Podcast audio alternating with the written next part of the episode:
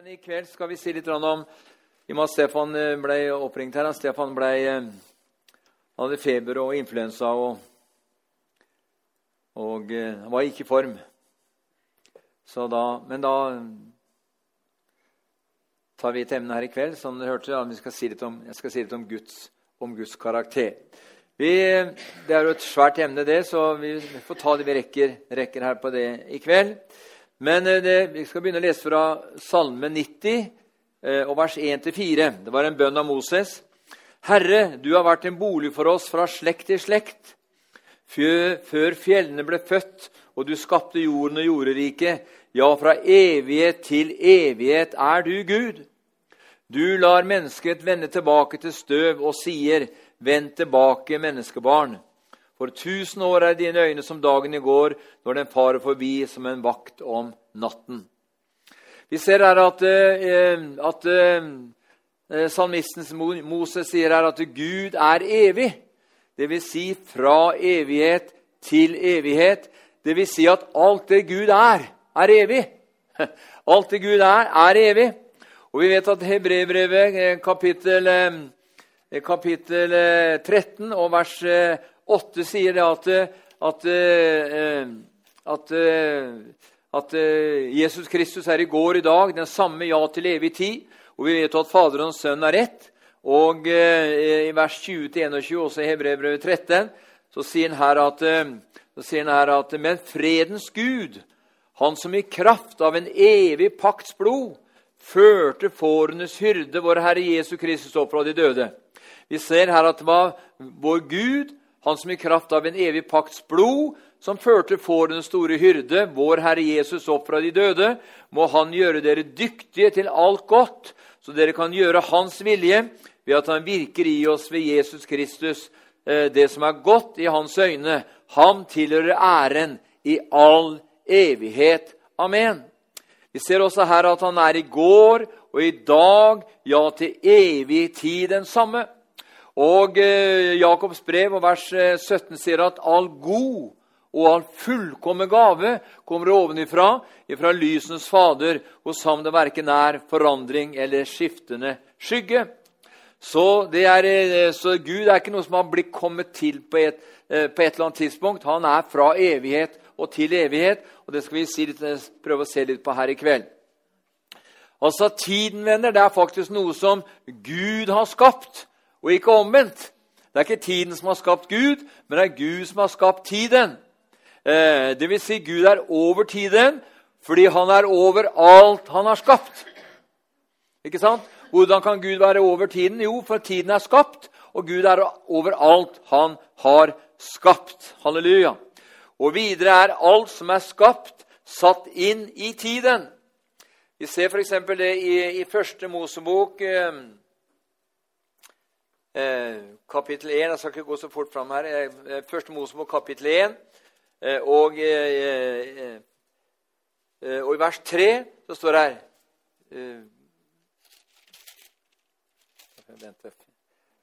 Første Mosebok 1, og i vers 3 så står det her Eller 1-3 skal vi lese her.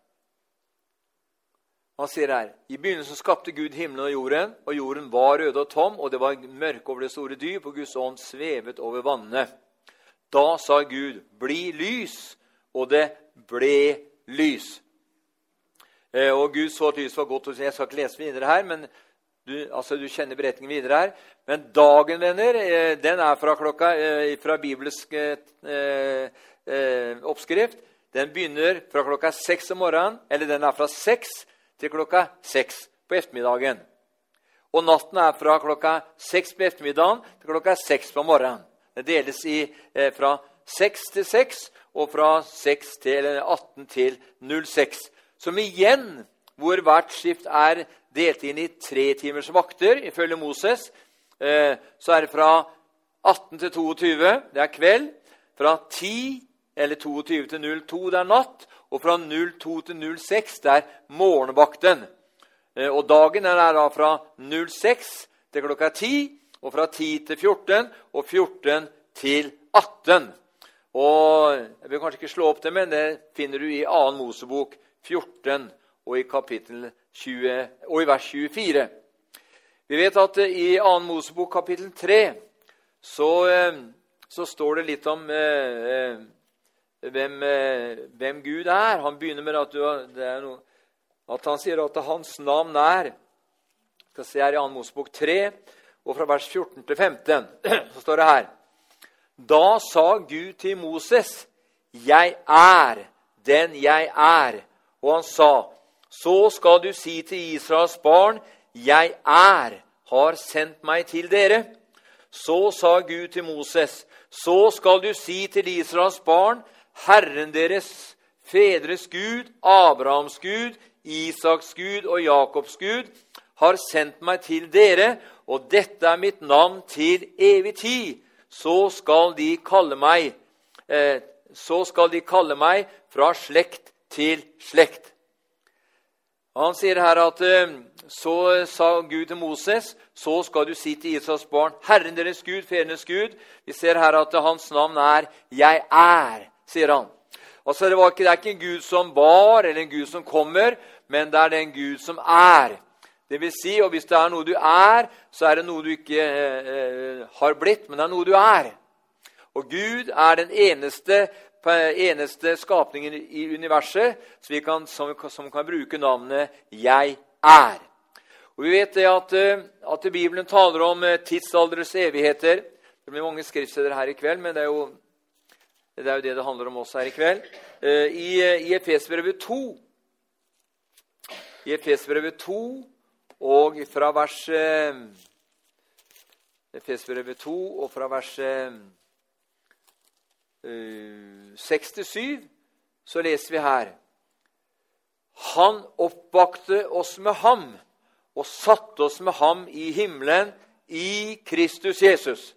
Hvem var det som gjorde det? Det var Faderen. Han oppreiste oss med Kristus og satte oss med Kristus i himmelen. For at han, Faderen, i de kommende tider kunne vise sin nådes overveldende rikdom i godhet imot oss i Kristus Jesus. Og eh, Vi ser at Bibelen taler om altså eh, tidsalderens evigheter. Det vil si, venner, at det ligger flere tidsaldrer fremfor oss. Det ligger flere tidsaldrer fremfor oss. Vi ser f.eks. i eh, eh, i Åpenbaringen 12 eh, og i vers 7 så vi det, så, så, vet vi at det ble en strid i lufthimmelen. Og Mikael han, eh, han slåss da med, med, dragen, eller djevelen, Satan. Og eh, vi ser her at eh, i vers 7 så står det her i Åpenbaringen 12 og i vers 7 så ser vi her at det står at det, det ble en strid i himmelen. Mikael og hans engler tok til å stride mot dragen, og dragen stred og dens engler. Og de kunne ikke stå seg, og det ble ikke funnet sted for dem lenger i himmelen. Det er framtid. Eh, det har ikke kommet ennå, men det kommer. Og det kommer i løpet av den siste perioden før Jesus kommer for å gjenopprette riket. Så vi ser her at det er Åpenbaringen 12,7 det handler om fremtid. Og så deretter så kan vi se at um, så kan vi også vi kan si litt mer om framtid. Åpenbaringen 2010, det er, eh, som er djevelens ende. I Åpenbaringen 20 eh, og i vers 10 så ser vi her at, eh, at og djevelen som forførte dem, ble kastet i sjøen med ild og svovel, hvor også dyret og den falske profet var, og de skal pines dag og natt i all evighet. Altså Vi ser her det, er, det, er, det handler om framtid. Det er altså djevelens ende. Det er fremtid. Det kommer, det kommer noen tid der inne. Og i Åpenbaringen 1 og i vers 8 så ser vi at Gud er både begynnelsen og enden samtidig. Han sier 'Jeg er begynnelsen, og jeg er enden'. Han er alfa og omega. Han sier her i Åpenbaringen 1,8, hvor han sier her at 'Jeg er alfa og omega', sier Gud Herren, han som er, og som var, og som kommer, den allmektige. Altså, Gud han er både begynnelsen, og Gud er enden. Eh, og Gud har faktisk eksakt kunnskap, venner, om framtiden. Gud vet alt. Og det er, det er, altså Vi har ingen sånn en liten Gud. Vi, Gud vil hjelpe oss nå framover, så vi kan få se. Vi har egentlig som vi sang her, vi har en stor og mektig Gud. Vi har en voldsom mektig Gud. Altså Til og med himmelen kan ikke romme han. så Derfor skaper han nye galakser og stjernehimler til enhver tid. For det er en voldsom Gud som du og jeg har kommet til, eh, komme til ved troen på Hans Sønns fullbrakte verk på Golgata kors. Altså Gud har eksakt kunnskap om framtiden. Gud vet alt. Gud vet alt. Husk, alt er like virkelig for Gud, enten det er i dag eller om 50 000 år i framtid. Gud er der på samme måte som du og jeg sitter her i kveld. Han har allerede vært her. Han er alfa og omega, han er begynnelsen, og han er enden.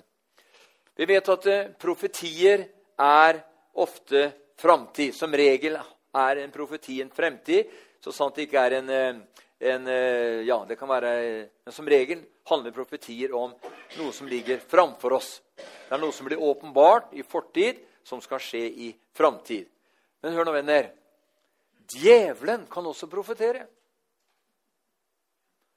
Men hans profetier kan brytes.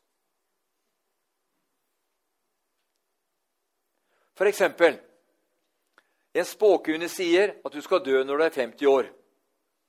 Kanskje hun var, var, var så spåkjerringen eller på et, et eller annet tivoli sånt, hun var en 14-15-åring, og så går hun til spåkjerringen og sier du kommer til å dø når du er 50 år. sier hun. Og du skjønner at eh, Så er det at eh, det er nemlig sånn at vi, Men hvis, når du, så går det jo mye å tenke på det. Hun sa at hun skulle dø når hun var 50 år. Man har jo mye rett, og de sier en del ting som stemmer. og, og alt mulig sånt noe. Men du skjønner at eh, men profetier uttalt fra den, eh, fra den negative siden kan brytes. Satans profetier kan brytes. Altså, mamma hun døde av kreft. Hun fortalte like før hun døde, hun fortalte oss gutterne aldri det. Men hun fortalte meg og sa det, at faren hennes han døde av kreft. Og så sier hun det til meg like før hun sjøl dør. Så sier hun det at eh, like før pappa døde, sier hun, så kom det en stemme til meg og sa at jeg skulle dø av kreft, jeg òg. Og det delte hun aldri med oss guttene før, før den dagen like før hun døde. Men, og da, da måtte hun liksom fortelle det. da, at den røsten hadde, når faren hennes døde av kreft, så hadde det kommet en røst. Hun hadde hørt nesten røsten og sagt 'Du skal dø av kreft, du òg'. Og det hadde plaga henne hele livet. Men hun døde av kreft. Men, hun, men pga. manko på kunnskap så går mitt folk vill. vet du. Så hadde mamma forstått det at, at i Kristus Jesus så har vi makt til å binde og løse. Ja, så hadde hun, hadde hun, vært under den undervisningen, så kunne hun liksom på en måte tatt den, og, og så brøte den forbannelsen der. For Det var ikke Gud som kom, kom og sa til henne at hun skulle dø av kreft. Men det var djevelen som kom og sa til henne at hun skulle dø av kreft. Og hun døde av kreft. Men hun hadde bare totalt manko på innsikt og manko på kunnskap og manko på åpenbaring i det, den sammenhengen som hun var vokst opp i og befant seg i.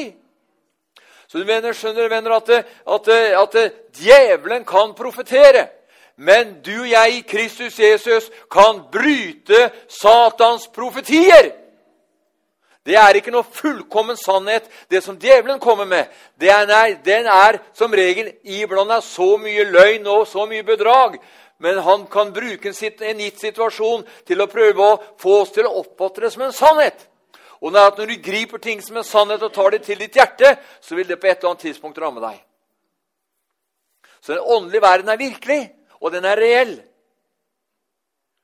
Mens derimot Jeg sa her at eh, en spåkvinnes eller en eh, satanisk profeti eh, kan vi bryte.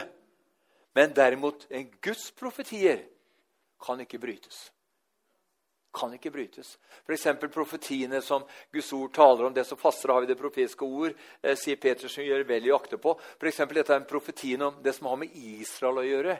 Og, som, og både, på, både, på, godt og vondt og gjenopprettelse og alt som er. Det kan ikke du og jeg bryte. Altså, eh, Guds profetier kan ikke brytes.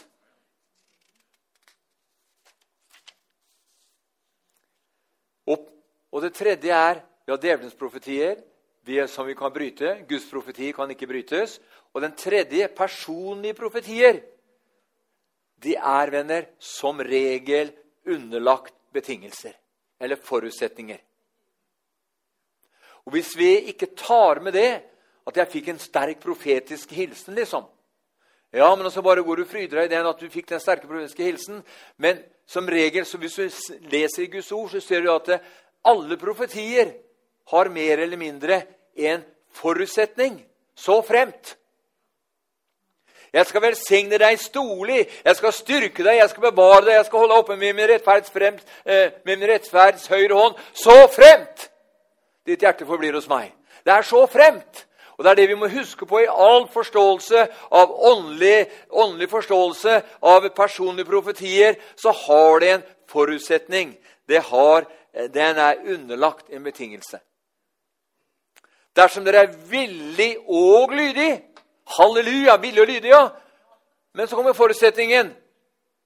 Dersom dere er villig og lydig, eller villig og det er vi altså, og lydig, det er forutsetningen. Så skal dere få ete landets gode frukter. Det holder ikke bare med å være villig, men villigheten må føre til lydighet. Og når villigheten fører til lydighet, så har du oppfylt forutsetningen for den hilsen som du måtte få der og da, eller enten gjennom en eh, person eller et, eh, gjennom et Guds ord som ble levende for deg. Så skal vi se litt på dette her med Gud i forhold til verdensrommet. Vi skal se i Salme 139. Eh, eh, salme, 100, salme 139. Nå skal vi se Salme 139, og fra, les fra vers 1 til 12. Eller 1 til 10. Jeg skal lete noen vers her. En salme av David. Herre, du ransaker meg og kjenner meg. Enten jeg sitter eller står, så vet du det. Langt bortenfra forstår du min tanke. Enten jeg går eller ligger, ser du det. Du kjenner nøye alle mine veier. For det, er, for det er ikke et ord på min tunge. Se, Herre, du vet det alt sammen. Bakfra, forfra omgir du meg. Du legger din hånd på meg. Å forstå dette er forunderlig for meg. Det er for høyt. Jeg makter det ikke. Hvor skal jeg gå fra din ånd, og hvor skal jeg flykte fra ditt åsyn? Far jeg opp til himmelen, så er du der. Og far jeg ned, og, og vil jeg rede mitt leie i dødsriket, ja, se, da er du der. Tar jeg morgenrødens vinger, vil jeg bo ved havets ytterste grense.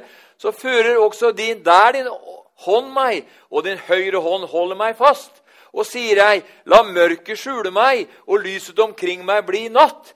Så gjør heller ikke mørket det mørkt for deg.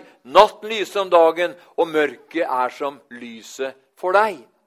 Vi, lese, vi, skal ikke ta alle, alle versene videre her. Men vi ser venner her at, at, at, at Gud er alle steds nærværende. Det vil si, han er overalt. Du, jeg kan ikke gjemme oss. Hvorfor det? Jo, for Gud er.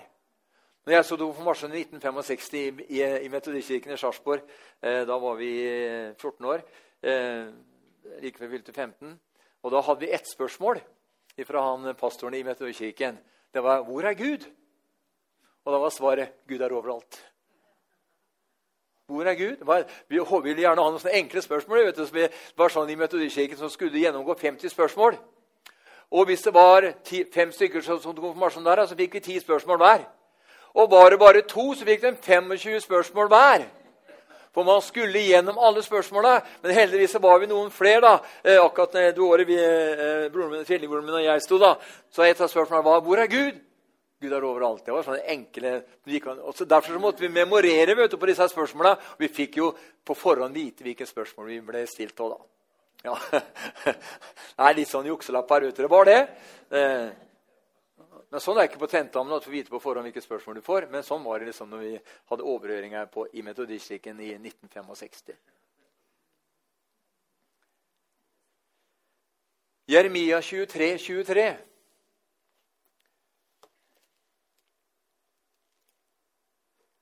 Han, eh, Bjørn Erik kan ta den fram, han òg. Jeremia 23. Er jeg en Gud som er nær, sier Herren, og ikke en Gud langt borte? Altså Han sier at engler venner, kan være på ett sted av gangen. Men Gud kan være på mange steder på en gang. For Gud opererer gjennom sin ånd. Og du vet at det er sånn at, at, at Gud, Gud, kan tale til én milliard mennesker. han. Tusen millioner mennesker om tusen millioner, tusen millioner forskjellige saker på en gang. På en gang. Det er den Gud som vi tilhører gjennom troen på Jesus Kristus. Men engler skjønner du, kan bare være på ett sted av gangen. Og samme kan både djevelen og hans demoner kan også bare være på ett sted av gangen. Altså, Satan kan ikke operere i 50 byer på en gang. Nei, han kan være på ett sted av gangen. Mens derimot uh, Gud han kan operere på ubegrensede antall steder på en gang. I Jobb 1 og kapittel, i Jobb, eh, kapittel 1 og vers 6-7 så ser vi det at eh, djevelen, han, eh, han, han, Eller Satan, som det står her, i Jobb 1, og fra vers 6-7, så ser vi her at så henter en dag at Guds sønner kom og stilte seg framfor Herren, og blant dem kom også Satan. Altså Det hendte en dag Guds sønner, står det. Og Herren sa til Satan, 'Hvor kommer du fra?' Satan svarte Herren, 'Jeg har fartet og flakket omkring på jorden.' Jeg har, fart, eh, jeg har fartet og flakket omkring på jorden. Så Vi skal ikke gå videre her på det, men vi ser her at Gud spurte Satan, og han svarte, 'Jeg har vandret omkring', sa han. Han har flakket omkring. Så det vil si at han var SD av gangen.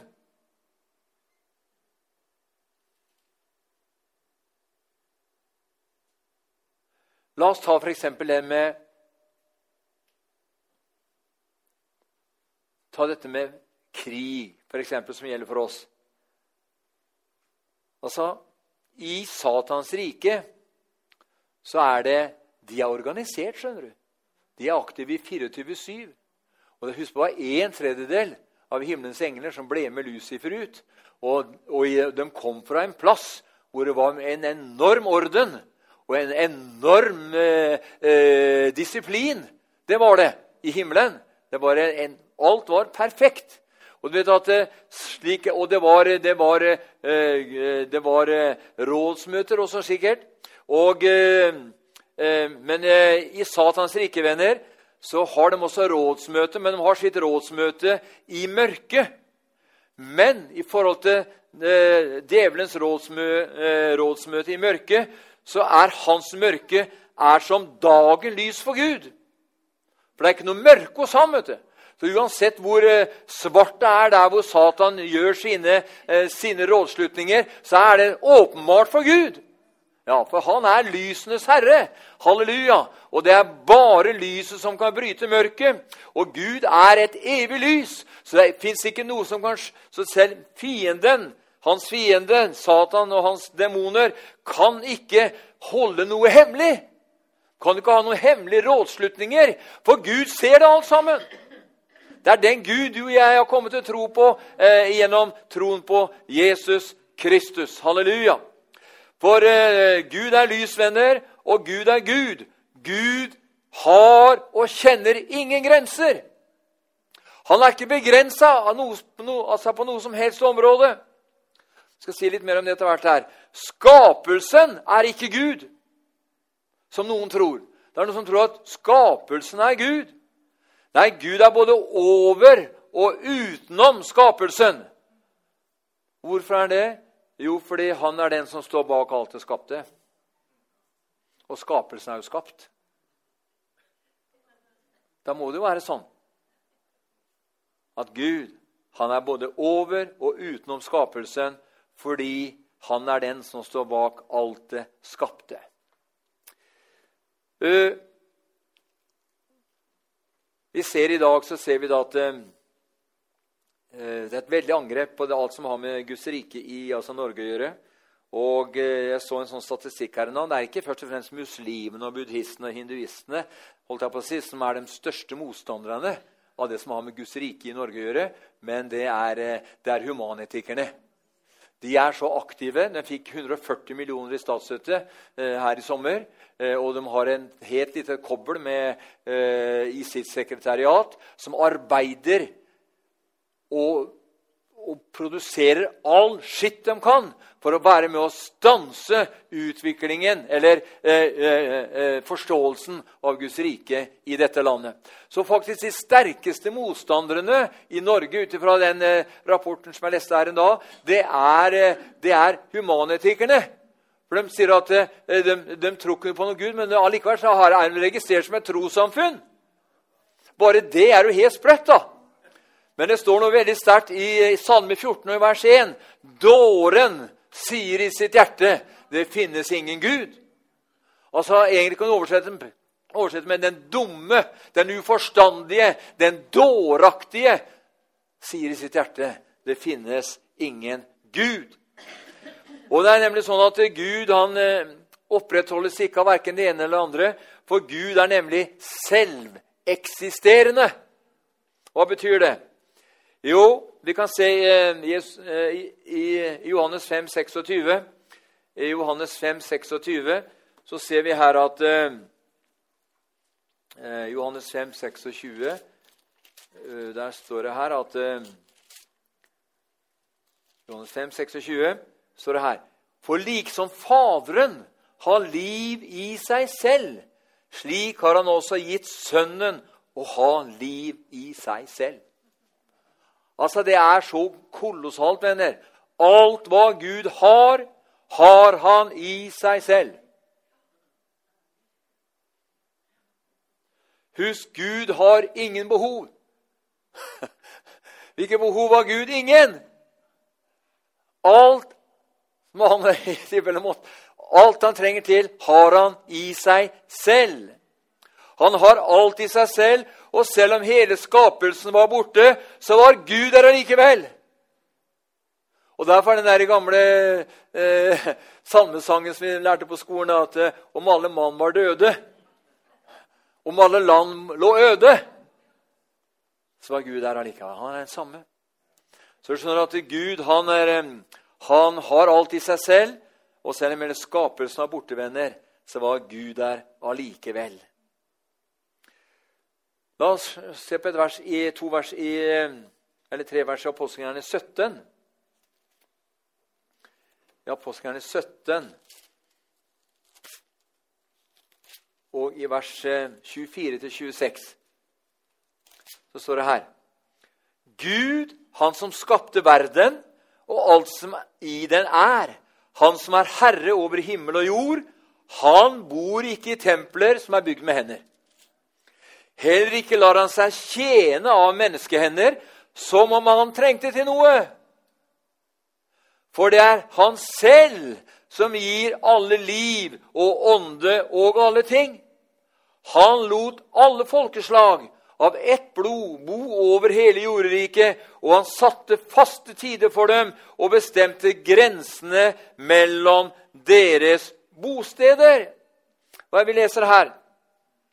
Jo, vi ser her, venner, at uh, Gud behøver ikke hvile, søvn eller å slappe av eller å tenke over ting. Gud er. Han er. Ja, men det står ikke det meg, ja, men står det ikke det at Gud hvilte da, på den syvende dagen? Etter at han har skapt det, Står det ikke at han hvilte? Hvis du går inn og studerer hva det, hva, i hvilken setting det det handler om. Når det står at Gud hviler, så betyr det at noe er avslutta. Ja. Da, var, da var Adam og Eva på plass. vet du. Og da sånn at alt var, da, da hvilte han ifra den gjerningen som hadde med det oppdraget å gjøre. Så når det står at, eh, at når Gud hviler, så betyr det venner, at noe er avsluttet. Altså, Gud er, Gud er uforanderlig. Han er fullkommen. Jeg refererte jo eh, Jakob 1,17. All god og fullkommen gave kommer ovenifra. Fra lysens fader hos ham det verken er forandring eller skiftende skygge. Så slik Gud var for 10 000 år siden, slik er han i dag. Slik Gud var for en million år siden, slik er han i dag. Slik Gud var i, er i går, er han i dag. For det er ingen forandring eller skiftende skygge hos ham. For at han, eh, som Hebrevbrevet 13 også sier om Jesus Han er i går, i dag, ja, til evig tid den samme. Så er spørsmål ja, men hvor har Gud lært alt dette her ennå? Venner, Gud har aldri lært noe, han. Ingenting overrasker ham. Vet du hvorfor det? For Gud er. Hvem skulle lære ham noe, da? Hvem skulle lære ham noe? Men Gud er en moralsk person. Gud kan ikke fristes. Og selv frister han ingen. Faktisk er det ingenting som kan påvirke Gud. For det står i Jakob 1,13 eh, Bjørn Erik tar opp den. Jakob 1,13. Ingen som blir fristet, må si 'det er Gud som frister meg'. For Gud fristes ikke av det onde, og selv frister han ingen. Derfor var den gamle bønnen 'Fader vår', led oss ikke inn i fristelse. Den var helt ubibelsk. Den stemmer ikke med Guds ord generelt. Men oversteden passa inn i den, den der lutherske tankegangen i hvor det satt oversetter her. Led oss ikke inn i fristelse. Nei, men Gud leder ingen fristelse. Det, det ser vi jo her. Gud fristes ikke av det onde, og selv frister han ingen. Og, eh, eh for du skjønner at eh, Målet med en fristelse er jo nemlig å endre på deg og meg. Ikke sant? Det er å endre på deg og meg. Vi kan, Gud, vi kan oppleve at Gud endrer seg, men det er faktisk vi Vi kan erfare og oppleve at Gud har, har endret seg. Nei, det er, ikke, det er, ikke, riktig. Men det faktisk er at det er vi som endrer oss, endrer oss i forhold til Gud. For han er den samme. Han er uforanderlig, han er den samme. Vi vet at mennesket endrer seg. Vi skal se Esekiel 33. Eh, eh, profeten Esekel og fra kapittel 33. Og skal vi se fra vers 17 til 19. Esekel 33 og 17 til 19. Og de folks barn sier, 'Herrens vei er ikke rett.' Men det er deres egen vei som ikke er rett. Hæ? Når den rettferdige vender om fra sin rettferdighet og gjør urett, da skal han dø. Og når den ugudelige vender om fra sin ugudelighet og gjør rett og rettferdighet, da skal han leve. Vi ser her at eh, Gud forandrer seg ikke, men mennesket kan forandre seg. Mennesket forandrer seg. Så, eh, og i tillegg til at Gud er, eh, er selveksisterende, så er han allvitende også. Han vet alt. Jeg vet, er sikker på at Gud vet alt. da. Ja, Gud vet alt. Vi skal si litt om det. Eh, vi kan si 1. Johannes 3 eh, eh, og i vers 20. Eh, 1. Johannes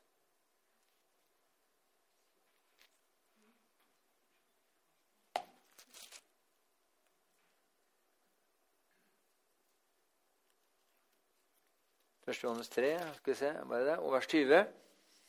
For om vårt hjerte fordømmer oss, så er Gud større enn vårt hjerte og kjenner alle ting. Og Salme 147 og i vers 5 Salme 147 og i vers 5 så står det Stor er vår Herre. Han er rik på kraft. Hans forstand er uten mål. Det er ikke målbart, altså. Det er uten mål. Uten, eller uten grenser, som 2011-oversettelsen sier her. Men det forteller meg at Gud har alltid vist alt. Gud har alltid vist alt. Ja, Men det, noen, det må jo være en utvikling i Gud, da. Det er ingen utvikling i Gud.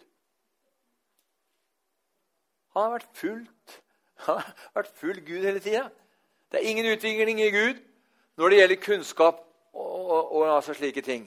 Det at Gud vet alt, er nemlig ikke det samme som at Gud har forutbestemt alt. Ta f.eks. syndefallet. Det var ikke noe Gud forutbestemte, men var noe Gud forutså. Det er noe annet. F.eks. at nå har jeg den her i handa her, og så slipper den der. Datt, datt ned der. Det var ikke noe Gud bestemte. Det var noe jeg gjorde, det. Men Gud forutså at jeg ville gjøre det. Hæ? Ikke sant? Gud hadde forutsett det, men ikke forutbestemt det. Så det er forskjell på forutse ting og forutbestemme ting. I ordspråkene 3 eh, og vers 19-20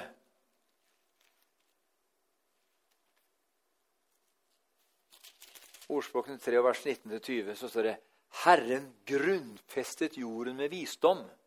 Han bygde himmelen med forstand. Ved sin kunnskap lot han de dype vann velle fram, og skyene drypper av dugg. Hva er det vi ser her? Jo, vi ser her, venner, at uh, Guds kunnskap Dersom vi ser på skaperverket, sol, månedene, stjerne, ser vi at alt sammen fungerer perfekt. Helt perfekt så fungerer alle, alle eh, ting som skjer i, eh, i, i luftrommet og i lufthimmelen og i universet for øvrig. Det fungerer helt perfekt. For det handler om at Gud bare i det. I Predikanten 10.10 så står det at visdommen har dette fortrinnet at den gjør alle ting på rett måte. Og Gud, han er visdommens opphav. Er det noe ikke sant? Gud er, han er han, Guds visdom gjør alle ting på rett måte. Og Gud gjør alle ting på rett måte. For han er visdommens opphav. Vi skal gå tilbake og se litt her, eh, tilbake til jobb og se på jobb 37. Skal vi se her, I jobb 37 og vers 15-16 så står det her Jobb 37 og vers 15-16 så står det her Forstår du hvordan Gud styrer dem og lar sine skyers lyn blinke fram? Forstår du hvordan skyene svever om i luften? Forstår du den allvitendes under?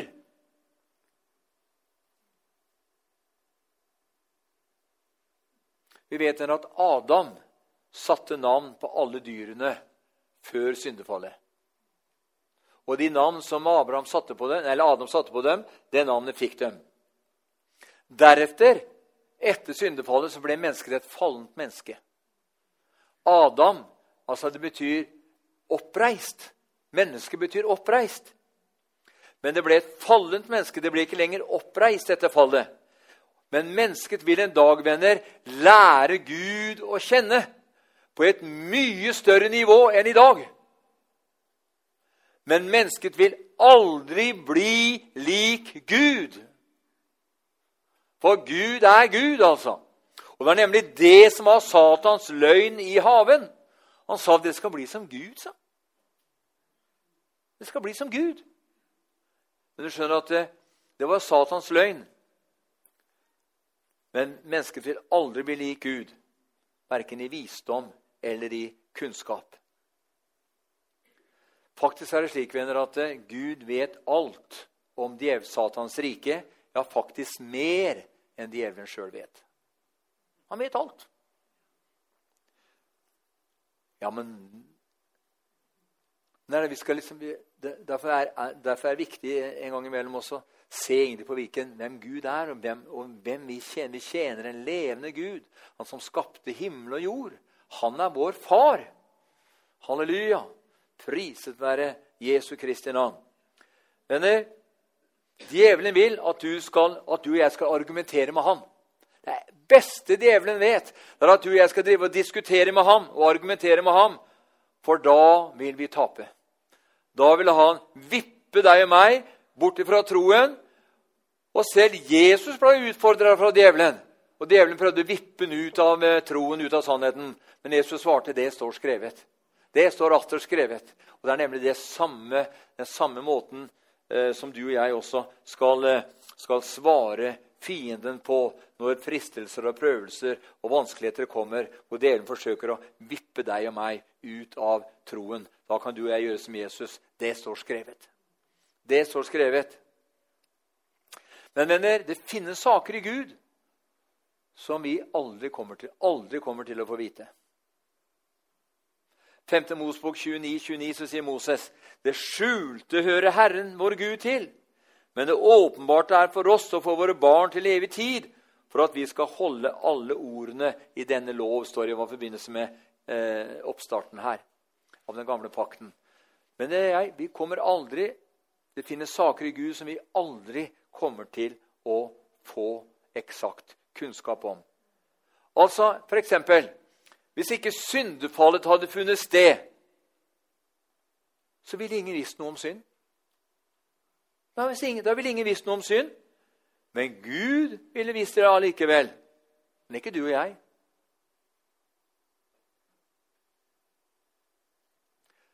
Neste skal vi se på, skal vi se på det er Gud den allmektige.